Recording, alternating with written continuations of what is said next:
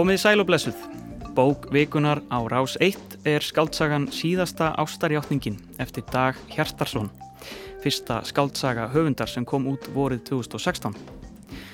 Dagur hefur vakið hvað mesta aðtikli fyrir ljóðlist sína. Hann hefur gefið út tvær ljóðabækur þar sem vindarnir kvílast og heila skurð aðgerðin og hlotið bókmyndavellun Tómasar Guðmundssonar fyrir þá fyrrnemdum. Síðasta ástarjáttningin er Reykjavíkur saga.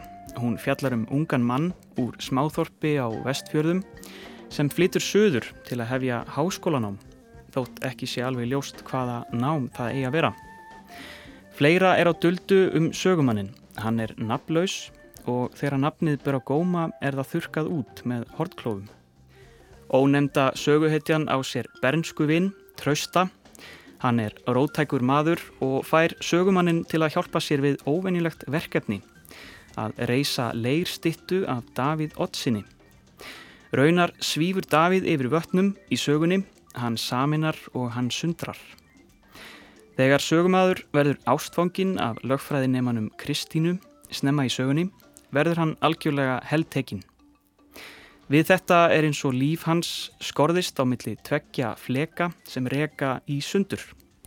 Annars vegar Kristín og hins vegar Trausti, Ástinn og Pólitíkin. Við skulum byrja á að heyra höfundin sjálfan, Dag Hjartarsson, lesa fyrstu síður bókarinnar. Fyrsti kabli. Það sem þessi skáldsaga fjallar ekki um. Ég hef ekki farið í klippingu síðan Davíð Ottsson var sælabankastjóri. Ekkert veginn finnst mér brottkvarf hans úr því ennbætti tengjast lubbana mínum. Eins og vaskanna tengist blómapotti. Eins og hönd nýtir skóreimar.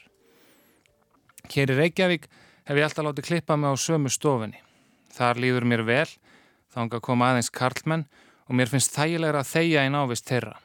Þetta er bara business, ekkert personulegt. Rakaran minn, eða það kalla ég hann, hann hefur aldrei rakað mig, er á að giska fertúrnáungi sem hefur aldrei upplöða meiri hamingu en þegar hann fekk loftbissu frá frænda sínum í 12 ára ammaliðskjöf. Þetta var eina sagan sem hann sagði mér. Hann sagði mér hana í 5 ár og hann er ennþá að segja mér hana. Ef ég loka augunum og strík yfir löppan, heyri ég röttans. Sagan kom reyndar alveg flatt upp á mig í fyrstu. Ég átti frekar vona á hann klift í eirun á mér. Samt er hann mjúkendur. Heimurinn hefur ekki snúið að niður. Engin beglar eirun á mér af sömu fimu og hann. Ef ég mætti velja mér elskuða, vildi ég hafa hann jafn mjúkendan og rakaran minn. Í veskinu geim ég spjald frá rakarastofinni. Vandin er sá að símanúmerið hefur máðst út. Á spjaldinu var skuggamind af rakara við yðju sína og nú er hann horfin, aðeins skuggin stendur eftir. Það er lítið gagn í skugga þegar menn vantar klippingu. Skuggi getur ekki stitt á manni hárið, hann getur hugsanlega lengtað en aldrei stitt. Ég reyna að rifja upp hvernig á þessu stendur, hvernig þessar upplýsingar hafa máðst út, það eru auðvitað að vita gagslust. Ég man ekki eins og hvað ég heiti, en það er önnur saga og þessi skaldsaga fjallar ekki um það hvernig ég glemdi nafninu mínu.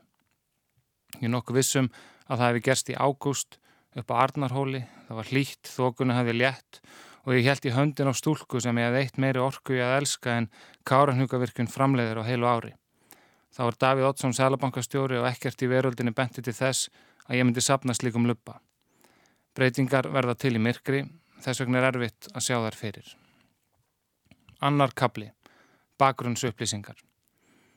Mér finnst ekki lengur fjastæðukent að spinna sér vef úr orðum láta sér svo síga aftur í tíman. Ég var 25 ára, ég átti heima í Kjallara í Vesturbænum, árið var 2007. Upp úr tvítu hafði ég fluttið Reykjavíkur til að stunda nám við Háskóla Íslands. Þetta eru bakgrunnsupplýsingar sem skiptir ekki beint máli en er gott að hafa á hreinu. Hvað ég var að læra skiptir heldur ekki máli. Ég geti sagst hafa lært sálfræði eða verkfræði eða ítölsku en það skiptir ekki máli þegar ég segi frá ástinni í lífi mínu. Það sem skiptir raunverulega máli er hvernig dagarnir liðu og hvernig þið liðu ekki áður en ég kynntist Kristínu. Heiti dögunum Svona, þriðikabli, Kristín. Án hennar voru dagar mínir sæðlalust veski. Þegar ég leit út um gluggan á mótnana leiti ég ofan í þetta tóma veski. Klinkið sem nóttinn seldist eftir í vasa mínum, það voru einu draumarnir sem ég átti. Brot úr síðustu ástarjáttningunni eftir Dag Hjartarsson sem er bók vikunar. Og eins og venjulega hef ég fengið góða gesti til mín í hljóstofu til að rýna auðvitið betur í verkið. Aðalsteinn Ásberg Sigursson, útgefandi og skáld og Eidís Blöndal skáld. Verði velkomin. Takk fyrir. Þarna heyrðum við uppháskablana og, og fyrsti fjallar um hvað bókin fjallar ekki um en svo er líka minnst á ímislegt sem að skiptir höfuð máli og þarna er minnst á Davíð Oddsson strax í fyrstu línunni og svo er minnst á Kristínu. En mm. áðurinu förum kannski að tala um það þá hérna uh, heyra hvað ykkur fannst um þessa aðal personu, hvernig komin ykkur fyrir sjónir svona Já, hún svona hún var einhvern veginn rosa hvað getur maður sagt svona hlétræk eða svona maður upplifið, eða samt var sterk nærverð alltaf af henni sko.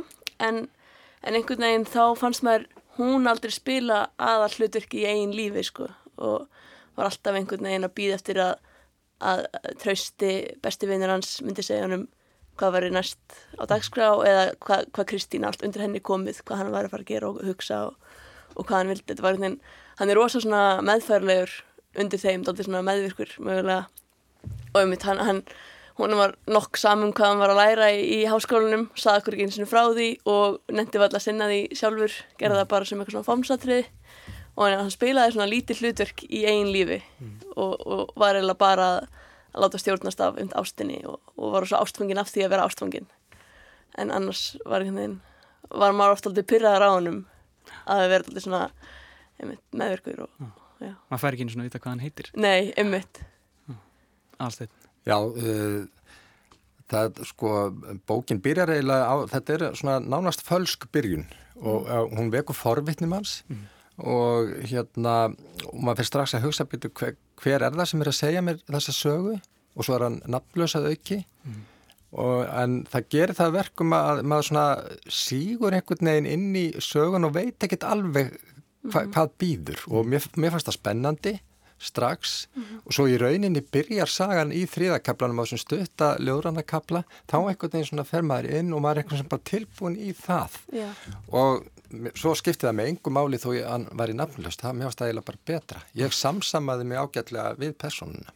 Mm. En eins og segir, bókin er rosalega ljóðræn, mm -hmm. alveg út í gegn Já.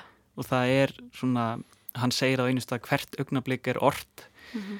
Og uh, það verist eiginlega ekkit annað knúan áfram nema þessi, þessi hérna, ljóðræna og, og ástinn og, og hann fellur í yfirlið ef að hérna, á nokkrum stöðum ef, að, ef allt fer hérna einhvern veginn yfir strikið Mjög viðkvæmur Mjög viðkvæmur Er þetta áræðanlegur sögumæður?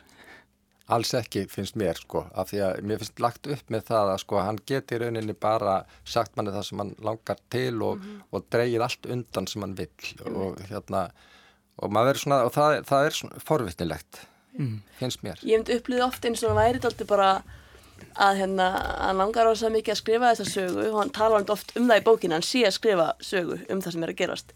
Og hann langar þá rosa mikið og langar þess svona rosa mikið að vera svona rosalega ástfangin og langar rosa mikið að vera eigi einhverjum pólitískum hérna, spennutrilli með vinnu sínum. En, en sjálfur sé hann einhvern veginn ekki það mikið til staðar eða svona, ég, ég veit ekki hvort ég hafa bara af því, af því ég samsæður þetta mikið með honum í þessu allir saman sko, mm. en hérna en, en hann einhvern veginn hann vildi bara svo mikið yrkja og vera ástfanginn og tala um ástina og dauðan og myrkrið og allt þetta sko. Já.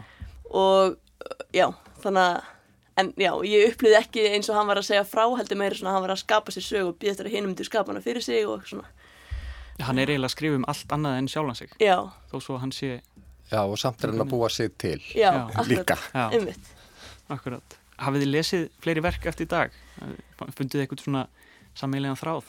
Já, ég lesi báðar ljóðabökunar hans mm. um, náttúrulega svo setnið þetta alltaf svona þingri mm. en hann er rosa svona mikill húmor alltaf í honum sérstaklega í fyrir ljóðabökinni og ég líka les mikið eftir henn á Twitter Já. þar var hann bara heimsfrægur sko en hérna komst í heimspersona en, en, en hann hérna, hann er rosa svona svona melankónískur húmor alltaf í honum. Mm. og alltaf um rosa svona hann, hann er mjög ljóðrætt bara í í sem hann skrifar á eins og á netinu. En er hann alltaf alltaf svona þungur líka? Og það er alltaf skemmtilegt og maður sér það algjörlega í þessari bók. Þetta er alltaf eins og að lesa bara getum Twitterna að fletta bókinni nema bara aðeins meira í það látið sko. Twitter er náttúrulega hálfpartinn ljóða uh, vettvangur Já, miklu leiti sem að nýta hann þannig sko mm. Já. Já, mér finnst þann, hérna, ég þekki hinn verkinast líka og, og hérna og þessi bók gæti í raun og veru hún, mér finnst hún tengjast sterklega fyrstu ljóðabókinans og hérna svona minnir pínulítið á hana og, og bara sem er mjög jákvægt ég var líka mjög hrifin af smásagna bókinas mm. eldhafið yfir okkur Já. sem er allt öðruvís en, en bara frábær bók og þess vegna var ég spenntur þegar þessi kom sko, hvað hva, hva, hva kemur þarna. Mm. og hérna, já ég stann mjög flinkur í að fletta saman ólíkum hlutum í stílnum. Mm -hmm. en maður sér líka hann, hann er alltaf svo mikið að skrifa um sjálf á sig sko í þessari bók, mm. maður upplifir eins og maður sé bara að lesa hans sögu sko. Og, hérna, og líka maður sem maður veit eins og maður lesa hann í, í heilaskurðargerðinni mm. þá talar hann um ömmu sína það er rosalega ljóð sem hann talar um að amma sína alltaf verið að prjóna og svo hafði hún raknað upp amman sko ja. og svo um amman þessari bók hún er einmitt líka fær alls sem er og, og hérna og maður heyrir svo mikið hans sögu Já, þannig að það eru tengingar hérna. Já, þannig að ef maður, þú veist, þekkir höfundin í getnum verkin, þá svona sér maður hann alltaf í gegn einhvern veginn Já. Það er stundum uh, svona sem sögumæðinu verður svo háflegur að hann segir einfallega bara eitthvað um þyknið milli stjarnana og eitthvað um ástin og lífið innan hortklofa sko uh, hvernig, hvernig lásuðu í þessar földu lýsingar hvað, hvað er verið að fela? Ég uppleði þetta rosa mikið bara þannig að, að maður væri bara sjálfur að fylla í eðunar og maður vissi svo sem alveg hvað hann væri að segja og orðin sem hann hefði sagt skiptingandilega máli heldur bara svona innihaldið mm. sem maður sett í holdklóna og maður svona gatt sjálfur ímynda sér hvað var að þessi stað. Mm. Ég er svolítið sammálað eitt í sig þarna, hérna, já, mað, maður mátti bara velja hvað, hvað geti nú verið þarna uh, eitthvað sem að kannski margir aðrir hafa bara skrif og ég þarf ekki að vera orðað þarna því mm -hmm. hérna, þarna er lesandunum bara ætlað að hérna, hafa það sem maður langar til. Einmitt, Því svo sem viti hvað er að segja um ástin og lífið Já, það er svona og það setur svona ákveðin blæ á einmitt verkið og mm. mér finnst það mjög sniðugt. Mm. Já, einmitt. Kannski að því það er svo mikið af lýsingum í bókinni mm. hvort sem er, þá svona að er þetta rými kannski fyrir lesandana að það var svona ákveðin letir sko fannst mér oft.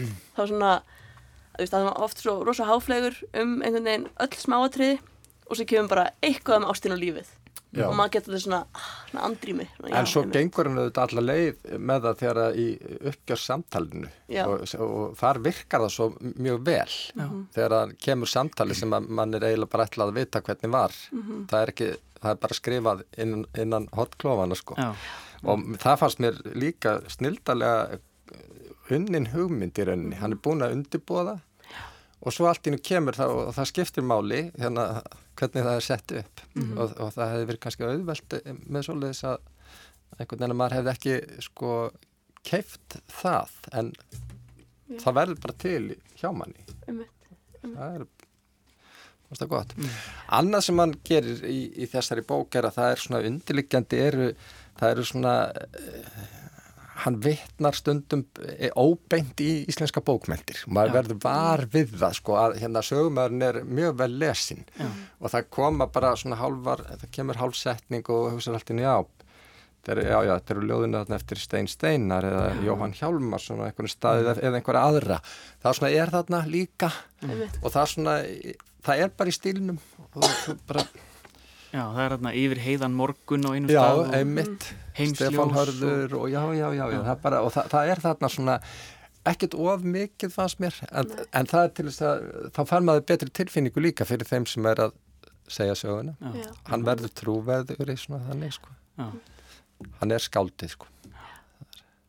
En ef við ræðum kannski þínar personunar sem er í raunni bara svona, í raunni tvær mm -hmm. það er trösti og Kristín, ef við byrjum að trösta hann svona, hann drýfur aðal söguhettin okkar svona áfram og kannski jafnvel með smá svona frekju og, mm -hmm. og bara hálfgerðu ofbeldi svona Þannig einhvern veginn, þeir eigandi einhvern svona lungu sambandi, búin að vera vinir síðan voru litlir mm -hmm. og gengi gætnum ímislegt saman og maður einhvern veginn upplifir ósum mikið að, að hérna, trösti hafi frumkvæðið í samvindinu þeirra og hafi alltaf frumkvæði öllu sem þeir gera saman og, og þessi nafnlösa aðalpersona hún daldi svona fylgjur honum bara eftir og, og um tröst yfir svona sterkar pólitísk skoðanir og talar hún um arðrán og, og talar um bara andúð á kapitalismannum og, og hinn svona aldrei kingar bara kolli og segir já, einmitt, já, einmitt En hann veist, verðist ekki taka þessar skoðanir beint upp. Hann Nei. verðist bara svona samþykja hann sem svona, sér persóna og, og hérna, já, ég vil maður ríða, rífa niður kapitalismann. Já, nákvæmlega. En, hérna, Já, ég skal hérna gera leirstitt á daði oddsinni með þér. Svona, en, en er ekki samt algjörlega á sömu saman báti og er- veist, sko, svo er þeim telt fram sem sko andstæðum líka. Og maður alveg hausa býtun og af hverju allir þeir þekkist einhvern veginn? Bara, þeir passa nú eiginlega ekkert saman. Og svo eru þeir einstæðingar eiginlega báðir. Og það er náttúrulega svolítið svona hérna þannig er sagan byggð upp auðvitað, það er ekkert verið að, að hérna, nota auka personur þannig að þeim er telt fram bara svona einum og sér sem er daldið sérstætt líka. Og hann verður, þessi trösti náttúrulega er óþólandi, hérna maður svona byrja strax að svona hafnunum, hann er einhvern veginn bara hérna leiðin, leiðinda frekja. Já, og maður hugsa að byrju, hérna, nennir hann að umgangast hann, hann er að, hérna, það er allt annað að gerast í lífinu hjá, hjá aðalpersoninni og hérna, já, sem hann ætti að bara einbytta sér að, láttu hennar vinn, bara lönd og leið, svo kemur reyndar annað í ljós. já. Já, akkurat Já, maður svona, maður upplifur hann á annan hátt þarna, uh, svona, já, undir, undir lokin. Já, En, en einmitt, maður, maður sér hann ekki eiga í neinum samskiptum við aðra. Maður, maður gæti allt eins haldið að þetta væri ímyndaður vinnur. já, akkurat Já. Trausti, sko. En svo er það Kristín, hún kemur úr svolítið annari átt líka Mhm. og já, er eiginlega andstæða frá upphafi líka og hún er svona, það er pólitík og afbreyðisemi og svona ímislegt sem kemur einhvern veginn strax á milliðra höfðu þið svona höfðu þið trú á þessu sambandi frá upphafi? Sko ég man þegar að spókina fyrst þá er ég ótrúlega hrifin á þessu sambandi Mhm. en núna þegar ég einhvern veginn lesið aftur þá alveg bara einhvern veginn hristi ég hausinn sérstaklega undir lokin sko. Fyrst, fyrst var hann hann að rosalega ástfangin og allt þetta og, og en svo einhvern veginn þegar kemur í ljós að þau eiga einhvern veginn ekki mikla samleið aðra en að vera bara ástfangin þá verður maður allir þreyttur á því að, að hans, og svo upplifir maður oft þegar maður les að þau sé alltaf hálfpartin að rífast, hann sé alltaf hálfpartin ósatt við hana, hún hérna finnst staði átt sem bara kúl gaur og, og, og maður sér ekki hvar þau eiga einhvern veginn svona snertipunkt sko. En svo tala hann um það, þú veist, já við löpuðum heim og þau eru, þau eru hægt að leiðast, hún lappar alltaf undan honum heim, svona nokkur skrifum undan. Og svo tala hann um það hvað hann er aðeinslega og frábæra og falleg og þau elskast alla nóttina eða eitthvað svona. Og ég skildi aldrei, hvað þetta er einhvern veginn svo, já þetta pyrraði mér aldrei mikið Mm. þetta samband, setna skipt sem ég las bókina Já, ég hefði strax að ég bara í byrjun áhyggjur af þessu sambandi. Mér fannst að þetta hérna, gæti ekki enda nema einhvern veginn illa og, hérna, og hugsaði alltaf hann hún á eftir að fara mjög illa með hann. mm. Og, en hérna sem gerist ek, ekki, þannig að það er það sem er óvænt líka í, í bókinni. Þannig, að- En ég hugsaði alltaf að þetta, þetta getur ekki enda vel. Og hérna, það var mín tilfinning, alveg, alveg frá byrjun og að því þau voru einhvern veginn bara eins og bara, já, mjög ólík. En svo koma þessi fallegu kaplar og ljóðurænan sem spilar hérna inn í Já. og einhvern veginn og hún svolítið dregum mann áfram og maður svona, já, hm, gefur því, gefur því tækifæri. Já. Hann er algjörlega blindaður af ást. Já, maður, maður já. finnur það alveg strax. Og maður hefur kannski svona, maður gefur þessu séns Já, út af því. og, og það er, er, er einmitt það sem að er auðvitað, hérna, það, það er bókin algjörlega raunsæ, það því að fólk blindast af ást. Já, Mm, Já. einmitt. Það er svona skemmtilegt af því að hún er svona, já, hún er ekkert, þetta er ekkert jálbundin bók en, en hún, hún er það samt að vissu leiti. já, einmitt En við kannski skiptum aðeins um gýr og, og tölum um hérna íspyrni. Það eru þó nokkri Mm. íspyrni sem koma þarna í sögu og uh, þeir eru náttúrulega bæði ókveikjandi skeppnur og, og líka svona bánsar Mhm. en, en líka berskjaldaðir eru náttúrulega í útrýmingarhættu og maður svona veldi fyrir sér fannst ykkur, hvernig fannst ykkur þeir svona falla að söguþræðinum? Fannst ykkur ykkur tákn hérna á ferli? Já, mér finnst svona það eru svona svona, tákn í bókinni sem Davíð Óttsson og Ísbyrni sem er einhver svona, svona bákn, svona stór sem, að, sem einhvern veginn umlíkja söguna en komin ekki beint við. En það er alltaf einhver nærvera af þeim og eins og íspilnir eru þannig að Kristín er umhverjusvenda sinni og að berjast fyrir að íspilnin séu með ekki skjóta það á Íslandi þegar komið til lands. Mm. uh, en, en þeir koma sögun aldrei beint við en það er alltaf svona sterk nervera af þessum teimur báknum. Já, ég fór einmitt að hugsa um það sko hvort að sko Davíð Oddsson er í rauninni ekki persóna í bókinni heldur einn svona, svona táknmynd. Mm -hmm. og í rauninni bara á sama hátt og íspyrnirnir eru hann er bara svona annars konar björn eitthvað svona stort eitthvað svona en svolítið utan á komandi svona, og, og svolítið kannski ógun eða svona mm. uh, pínlítið óþægilegt mm -hmm. og hérna og þá verður maður náttúrulega að koma inn á sko hönnun bókarinn og íspjörnin á forsíðunni sem er mhm. fyrir hlustendur sem ekki sjá er, já, bara það, það, það er svo gaman að því að, að hérna, bókin er vel hönnuð og maður lesa hana og íspjörnin er allan tíman mm -hmm. af því að hérna það eru, það eru litaðir partar af, af, af síðunni mm -hmm. fyrir þá sem ekki sjá. Er, hérna, er, þetta er bók sem er gaman að skoða líka. Og, hérna, þannig að íspjöldin er þarna og, og, og þannig er líka Davíð Oddsson sem tákn inni, mm -hmm. hann er alltaf en hann, en, en hann er bara eitthvað einn þar. Já, einmitt. Já, eins og þú sagðir, Davíð og bæði íspjöldin og Davíð þeir svona samin og sundra mm -hmm. einhvern veginn. Já og það er eiginlega skuggin af Davíð sem mm -hmm. er yfir öllu og svo er eh, eins og lýsir bókinni þá er skuggin af hérna, byrninum svona yfir, yfir, alla, yfir alla söguna en það er íspilnin alltaf fólk já, sér ekki íspilni á Íslandi og heyri kannski meira bara aðeim í frettónum en svo hittir hann íspjörn á, mm -hmm. á einu tímbúti og maður veldi fyrir sér hva, hversu raunsætt það er Já, þetta var svona svona absúrt senna en þetta gerist einhvern veginn svona einhver svona kapli í bókina sem hann og Kristín er einhverju stormasömum samskiptum mm -hmm. og hérna og hann gengur heim í, í stór hríð og mætir íspyrni og þetta er allt svona hérna algjörlega absúrt og mhm. hann flýr og íspyrnin fess og bara og, og maður einhvern veginn þetta er surrealist einhvern mhm. veginn hvernig þessi líst í bókinni og maður veit ekki hvort þetta sé raunverulega það sem maður gerðist sko eða hvort þetta sé einhver bara ástandslýsing já, við fannst alltaf skemmtilega gert. Já, ég las hana meira sem ástand og hérna mhm. hugar ástand mm -hmm. upplifði ég það frekar. Mm. og hérna þá hún sé svona raunsæðisleg en, en eftir á þeim var komin í gegn þann kapla þá sem er, já, hann, þetta var, var bara gerast í höfðinu á sögumanni. En eldingaleikurinn er, er mjög raunverulegur. Hann er já. það, já, já, já. Og hann hleypur í skjól líka á mjög takkrannan stað. Já, ok Ungskaldið Já til hans Jónasar. Hallgríms já. Uh, en, en eh, Davíð Ótsson hann er ymmit, maður kemst ekki hjá því að tala um Davíð Ótsson, hann er nefndur eiginlega á hverja einustu síðu. Mm -hmm. um, hvernig, sko, það má eiginlega segja að það sé hálfgjert ástarsamband líka. Já. Af því það er svona ástarhatur samband virðist vera. mm -hmm einmitt.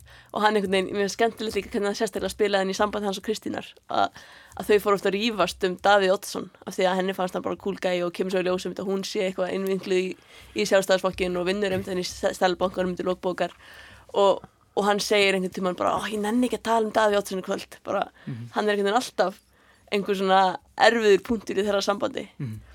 Já og svo er hann líka sko, hérna er, er spila hann náttúrulega stór hlutverk í sambandi við trösta viðnams mm. og, og svo er leikið eiginlega kannski á lesandan með því að vera að sífælt að sko nota nafnið að minna lesandan á. Og hérna þannig að það verður svona ákveðin þreita líka, maður er svona bara já já það þarf ekki að segja mér þetta hérna einu sinni enn, mm -hmm, ég upplýði það svolítið þannig sko. En ég, það er mjög meðvita gert að mínum viti mm. en uh, en talandum sko þessi uh, já fleiri dýr, það eru fleiri dýr hérna, ég las bókina núna aftur og ég hjó eftir sko fleiri dýrum það eru silfurskottur í uh, þessari sakkafullu kjallara íbúð sem að mm. hann er hérna í og, og það er hundurinn sem að Kristín er út að ganga með og, og fleiri og fleiri mm. ég fann ekkert svona tákgrænt í þessu voru þið eitthvað á þessum slóðum líka? Já, ég tók undir eftir þessu en ég hugsaði að sé ekki endilega eitthvað mikið Nei. á bakvið en hvað veit maður? Þau eru, það, þau eru svona partur af, af, hérna, af þessari heimsmynd og kannski te tengjastu þá jáfnveg líka því að það er verið að tala um sko loftlasbreytingarna, mm. hlínun, jarðar og, og þau fara ágætlega í, hérna, svona, í myndinni mm -hmm. það, það, það sem hann er þau, hann notar það eiginlega meira svona eins og part af leikmynd mm -hmm. af því að svo mynd er ekkert, það er ekkert margt, hún er ekkert ofhlaðinn hérna, um, umhverfið eða það, það er ekki, ekki nema, mm. svo kemur hérna ferðalagskablinu þeirra mm. en að öðru leiti er, er, hérna, er ekkert margt sko í svona umhverfinu mm. Það er bara vestubærin og þingaldinn og... Já og hérna þannig að hann kannski nýtir sér þetta þannig mm. Mm -hmm. og í samingi við lofslagsbreytingar líka, það kemur hérna svolítið skondin lýsing á því að lofslagsbreytingar séu vegna ásthitta já, og, og tröstum við það þetta já. Já. hann er einmitt var svo mikill anstæðingur alltaf einhvern veginn Kristínar, maður upplifaði bara strax að hann er anstæðingur, bara ástarnar eru höfuð því svo ástinn sé einhvern veginn kapitalist tól eða, eða, og hérna tala um að, að uh, hlínun jarðar sé vegna ástarinnar sem er sprottin einhvern veginn úr kapitalærisku neistlu og, og þetta er svona, þetta er svona skemmtilegt hvernig hann tvinna þetta trend saman mm. og alveg svona make a sense, svona eitthvað svona myndmál Já, já, mm. já. En svo tengjum við líka, sko, náttúruvend hún er öll náttúruvendar sinni og mm. fer hérna á mótmæla hérna fundi gegn, hérna, og skipulegur á líka og skipulegur á, já, einmitt og en maður tengir einhvern veginn þá umhverfis baráttuna miklu meira við vinstrið og, og, mm. og hennar, sko, ekki hennar kreðsu þannig að þetta er svona svolítið óvænt óvænt ja. átt sem að hún kemur úr Einmitt, og hann talaði um að hann er baldur leiðilegi lögfræðivinnur hennar Kristínar hann, það var eins og höfundur var alltaf að tala um að þetta væri svona einhver popul, populismi einhver svona hræstni í þessu að Að, og hann nota þetta að, að fjölmjöla verður hrypnir að því að, að hægri að strákur miðjum hægra mennum miðjum væri svona mikill umhverfis með þessinni mm. og allir voru svo hrypnir að því og þetta var svona, einmitt, já, skemmtilegt mm. Hann alltaf vil bara rýfa niður allt, allt kerfið já, í heilt einmitt. Já, En svo býðum maður líka, kannski á e- einhverjum punkti býðum maður eftir sko að, að vinurinn trösti hitti Kristínu mm eða, eða ja, svona andstæðin að það gerst ekki mm -hmm. og hérna þá hefur svona eitthvað kannski gerst þar sko mm -hmm. að það gerst ekki og ég sko og ég held að þetta sé svolítið líka þetta meðvita gert að snúa þessu svolítið við og það kemur mann og óvart og maður þarf að hugsa alveg já, þetta getur alveg verið svona allt í lægi með það mhm. það er svona Já, meinar að maður fá aldrei uppfyllt þessa hún, fyl, hún fylgir ekki það, fylgir ekki sko, hérna, það, það kemur ekki það sem þú endilega býst við. Mér finnst það, það vera svo sterk, hérna, sterkur þáttur í sögunni mm. að það, það er alltaf smá óvænt já, og hérna, það kemur nú óvart. Mm. og heldur manni við efnið alveg stöðugt. En hann tala líka um það að það væri eins og, eins og Kristín og Trösti væri svona flekar sem var að fjarlægast einhvern veginn og, og þess vegna fannst manni mjög verið svona rökriðt að þau var ekki að hittast af því að þau var svo fjarlag sko. En það gæti þau bara ekki hist. Já. Og hann einhvern veginn alveg þjáningar þingvellir þjáningar fastur hann á milli. En, en líka með sko, erfileikana í þeirra sambandi þá er þá er hérna persóna sem þú nefndir á þann Baldur, mm. sem strax verður svona já, hann, hann verður afpriðisamur bara við það að sjá hann. Já, bara að valla að vita á hann sko, þá er hann einhvern veginn pyrjar út í hann. Já Hvernig persóna er Baldur? Maður þekkir Baldur áleg. Ég veist, mér finnst ég bara, ég veist, hann var hann að parti sem hún heldur fyrir lögfræðivinni sína og ég las bara, já, þessi gur, það er bara þessi típa. Mm -hmm. Og maður þekkir hann einhvern veginn alveg svona, einhver svona flottur strákur lögfræði sem kann sér rosa vel og er einmitt með einhver svona gámannsleg glerugu og eitthvað svona. Mm -hmm. Og og sögumæðin verður strax einhvern veginn pyrraðar á honum og maður sömulegis líka sko en, en það pyrraði mig samt mjög mikið hvað, hvað hann var víst til þess að klippa algjörlega á alla sem að Kristíni þótti vendum mm -hmm. mér fannst hann standið sér illa þar eða svona, hann bara þóldi ekki vinninar strax, þóldi ekki fóröldreinar strax einhvern veginn mm -hmm.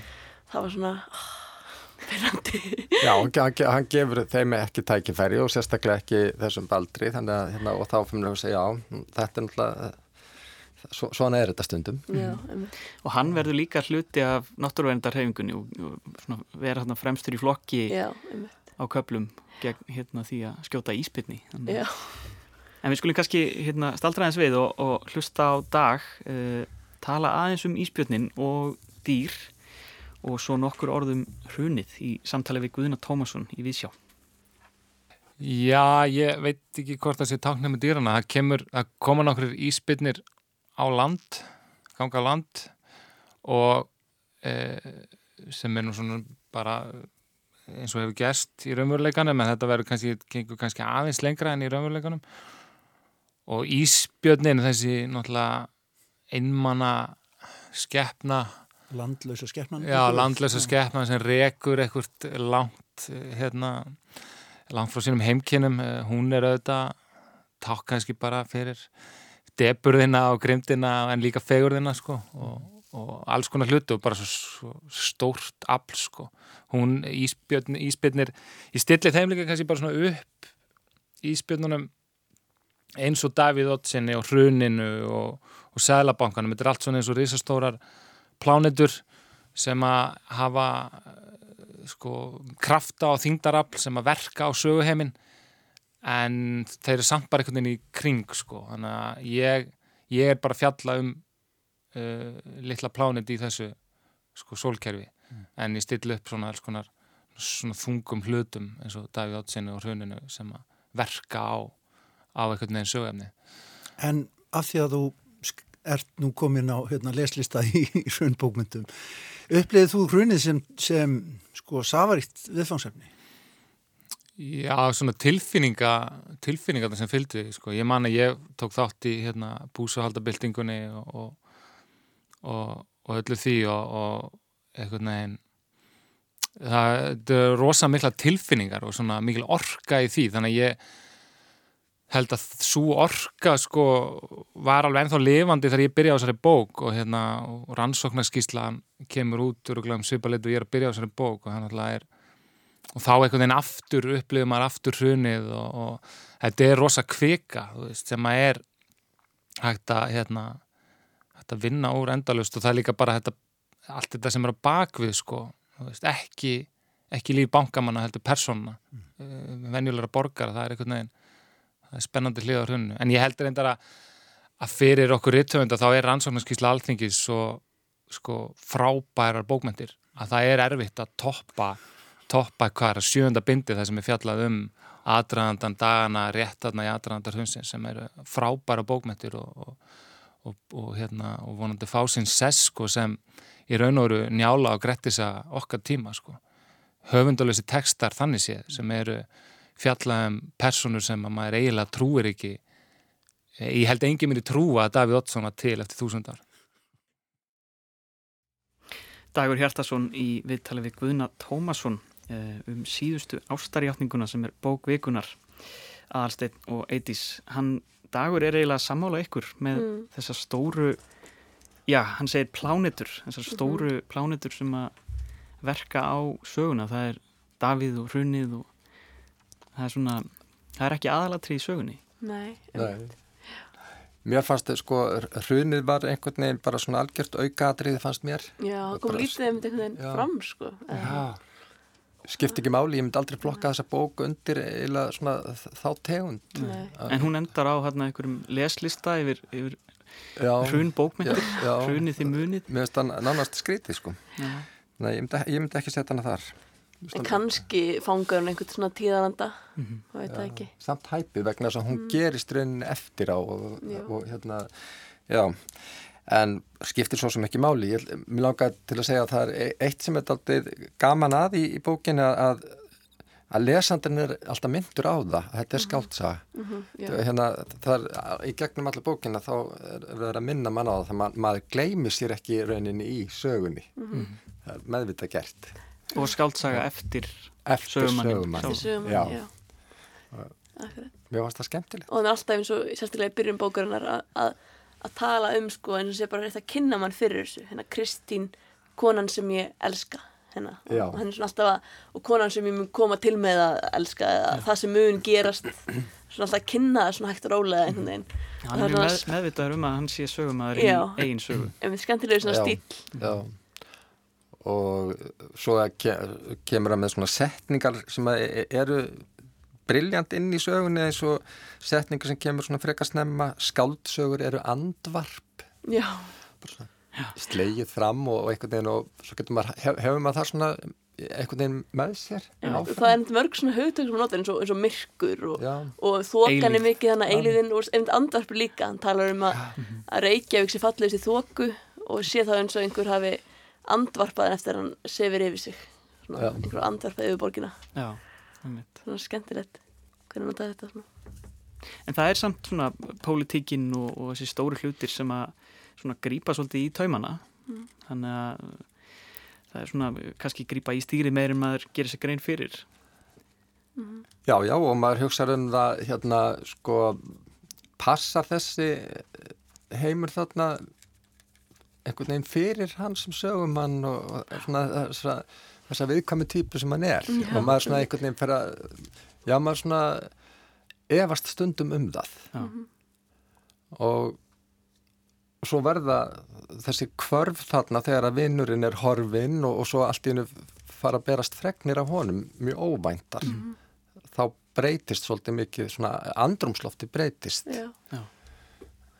og bara hérna hvernig maður sá þennan vinn fyrir sér sko, þá var hann alltaf orðin allt annar og búin að farin úr skugganum sem kellar íbúðin í þingáttunum var og komin til Benidorm eða svona, Já. svona ef, ég, vil, ég vil ekki vera sögurnir en, hérna. en já, það er gaman hvernig það svona breytist og það gefur mann einmitt vonum að, að líf sögumanns kannski Já. komist Já og þá fer maður og þá, þá fer maður alveg af því að svona af því að hann gatt var svona já svolítið erfið típa þessi vinnur hans. En svo fer maður einhvern veginn að þá, þá ver, þykir maður alltaf náttúrulega vænt um hann. Já hann er bara, þú veist, hann er bara komin á réttan stað allt gengur vel hjá honum. Hann getur bara tekið hans sér til fyrirmyndar. Það er svona, þá breytir hann breytir mann sem lesanda sko, maður fylgir því. Einmitt. og maður í, í einhvern veginn það var svo skemmtileg bóka því að ég las hana til til að hratt yfir stundum tíma og einhvern veginn og ég festist í þessum stíl sem Dagur skrifar í. Ég, og ég, man, ég var í hátægin aðan mér og hátægismenn með kæstanum mínum og ég fór alltaf að tala við hann í taktinum að stags og ég fatt alltaf ég, bara, ég var föst í því að tala einhvern veginn svona fleikt og, og vera með svona líkingar um eitthvað fárlegt og svona finna litlu hlutina. Já. En áðurnu förum kannski að spilla endalokum fyrir það sem að hafa ekki lesið bókina þá svona einhver loka orð Hvað- síðasta ástærjátningin andvarp. Já, ég staldraði við sko, hérna, það er sko, það sem ég líkar einna best við þessa bók er, er einhvern veginn, það er, er að, hérna, maður finnur svo fyrir því að það er sko skáldið sem er að skrifa hana. Og hann, hérna, hann notfæri sér í raun og veru tækni hérna úr, úr ljóðlistinni. Já, og meðvitað. Og hérna og það er á þremur stöðum. Þá er hann að tala um sko hérna það er hann að fjallum ástina og það er bara svona og, og hérna ég ætla að vitna í þrjá, þessa þrjá staði í bókinni. Snemma í, í bókinni þá kemur þessi setning. Kreftur nefi er á stærði hjarta. Hendur sem leiðast eru tvö hjörtu sem lokast utanum sömu tilfinninguna mjög flott setning. Og svo löngu setna ekkert löngu setna en talsvert já, se- setna, þá, þá kemur aftur ein setning bara. Tveir hjartastórir nefar utanum sömu eftirvæntingu. Við erum ennþá framalegi sögunni. Og svo endar sagan á eiginlega þessu sama.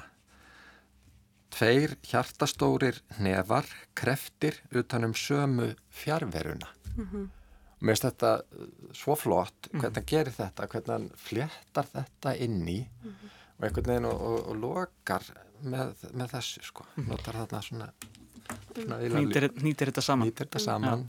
Við erum samanlega, það er svo sterk viðvera hjá degi í bókinni. Maður, maður þekkir hann svo vel í getnum þessa bók einhvern veginn og ég sé mitt fyrir mér bara að hann hafi einhvern tímann hugsað þetta þegar hann var að leiða konuna sem hann elskar sko. Já. Að tveir hjartast bara, veist, tveir hjartast að nefar að halda utanum eitthvað. Já, og maður, maður upplifir hann svo mikið einhvern veginn og kynnist honum bara í þessari bók. Og hann er ótrúlega sterkur bara ha- hans persóna í bókinni. Og það er mjög mjög skemmtilegt að lesa þessa bók. Og hún er auðlesin en samt myndi maður vilja staldra við nánast hva- hverja málskrein Ég held að við verum að hafa þetta loka orðin. Eh, takk hérlega fyrir komuna í bókveikunar, Eitís og Alsteinn. Bókveikunar verður aftur á sínum stað eftir viku. Næsta bók verður kynnt í þættinum Víðsjá síðar í vikunni. Þanga til minnum við á heimasíðu þáttarins rúf.is gástrygg bókveikunar þar sem hægt er að finna eldri þætti og viðtöl. Við mælum með degi hjartasinni og hveðjum á þeim orðum. Takk fyrir hlusta og verið sæl.